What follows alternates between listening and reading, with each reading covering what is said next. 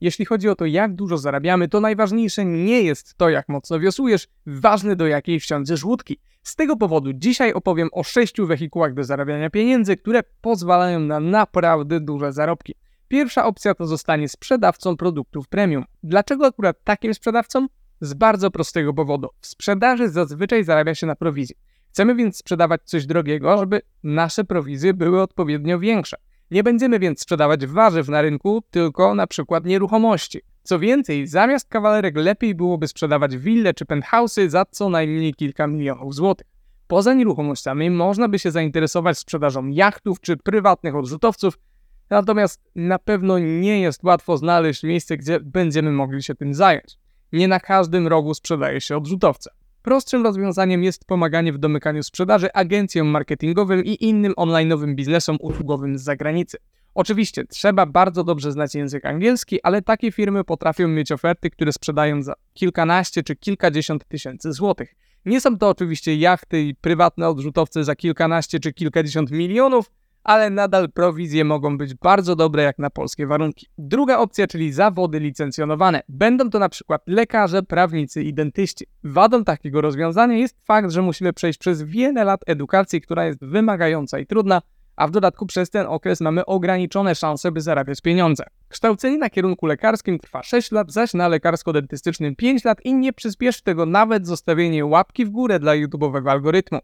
Po tym czasie mamy jeszcze rok obowiązkowego stażu, na którym zarobki są mocno nieadekwatne do wysiłku włożonego na studiach i wynoszą kilka tysięcy złotych. Kolejnym etapem jest jeszcze specjalizacja, która pozwala na zwiększenie zarobków, ale ponownie wymaga czasu.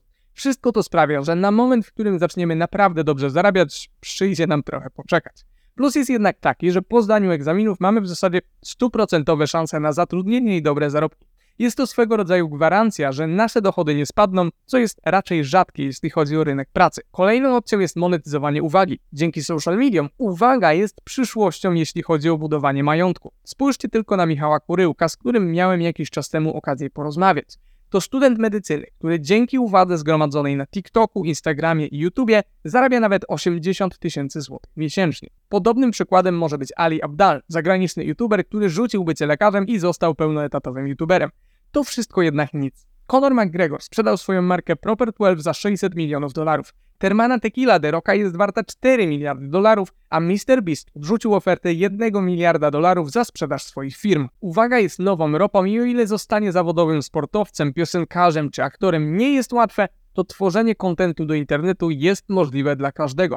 Raczej nie zostaniecie nowym MrBeastem, ale rozpoznawalność i uwaga nawet w wąskiej niszy mogą przełożyć się na większe zarobki dla Was i Waszego biznesu. Czwarta opcja to zostanie dyrektorem wysokiego szczebla, najwyższej rangi kadra menedżerska, przykład dyrektor generalny, dyrektor operacyjny czy dyrektor marketingu itd. Tak będzie zarabiać od kilkunastu do kilkudziesięciu tysięcy złotych miesięcznie. Aby do niej dołączyć, na pewno trzeba mieć co najmniej kilkuletnie doświadczenie w danej branży na stanowisku menedżerskim i pewnie mieć wyższe wykształcenie.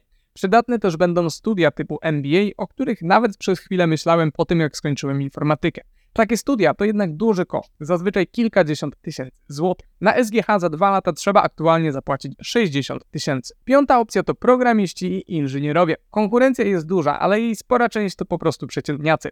Jeśli jesteście naprawdę wybitni i jaracie się programowaniem, technologiami i ciężką pracą, jaka się z tym wiąże, to na pewno uda Wam się wybić. Naprawdę wysokie zarobki czekają jednak właśnie na tych geeków, którzy będą posuwać naprzód rozwój technologiczny ludzkości, a nie pana Tomka, który skończył informatykę, ale pracuje w urzędzie i poprawia kabelki, kiedy pani Ani nie chce działać drukarka. Chodzi tu więc bardziej o człowieka, jego pasję do tematu i faktyczne umiejętności, niż o to, jaki mamy dyplom.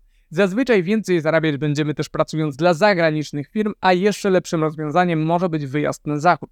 Inną opcją jest wykorzystanie naszych geekowskich umiejętności w połączeniu z szóstą opcją, czyli zostaniem przedsiębiorcą. Na początku może być ciężko. Zanim nasza firma dobrze ruszy, możliwe, że będziemy musieli znosić naszych znajomych, którzy zarabiają znacznie więcej od nas, pracując mniej i mając work-life balance, samemu pracując po kilkanaście godzin dziennie. Kiedy jednak firma naprawdę wystartuje, a my zbudujemy zespół lub systemy, które przejmą z nas codzienne operacje, możemy zarabiać tyle co dyrektorzy z korpo czy lekarze, pracując kilka godzin dziennie i jeżdżąc po świecie.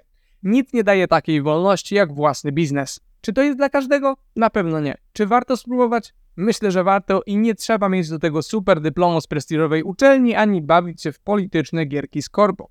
Wbrew temu, co mówi wiele osób, które nie miały nic wspólnego z prowadzeniem firmy, nie trzeba mieć też nie wiadomo jakiej kasy na start. Jak to możliwe? Tłumaczę na playliście Biznes dla początkujących. Zapraszam.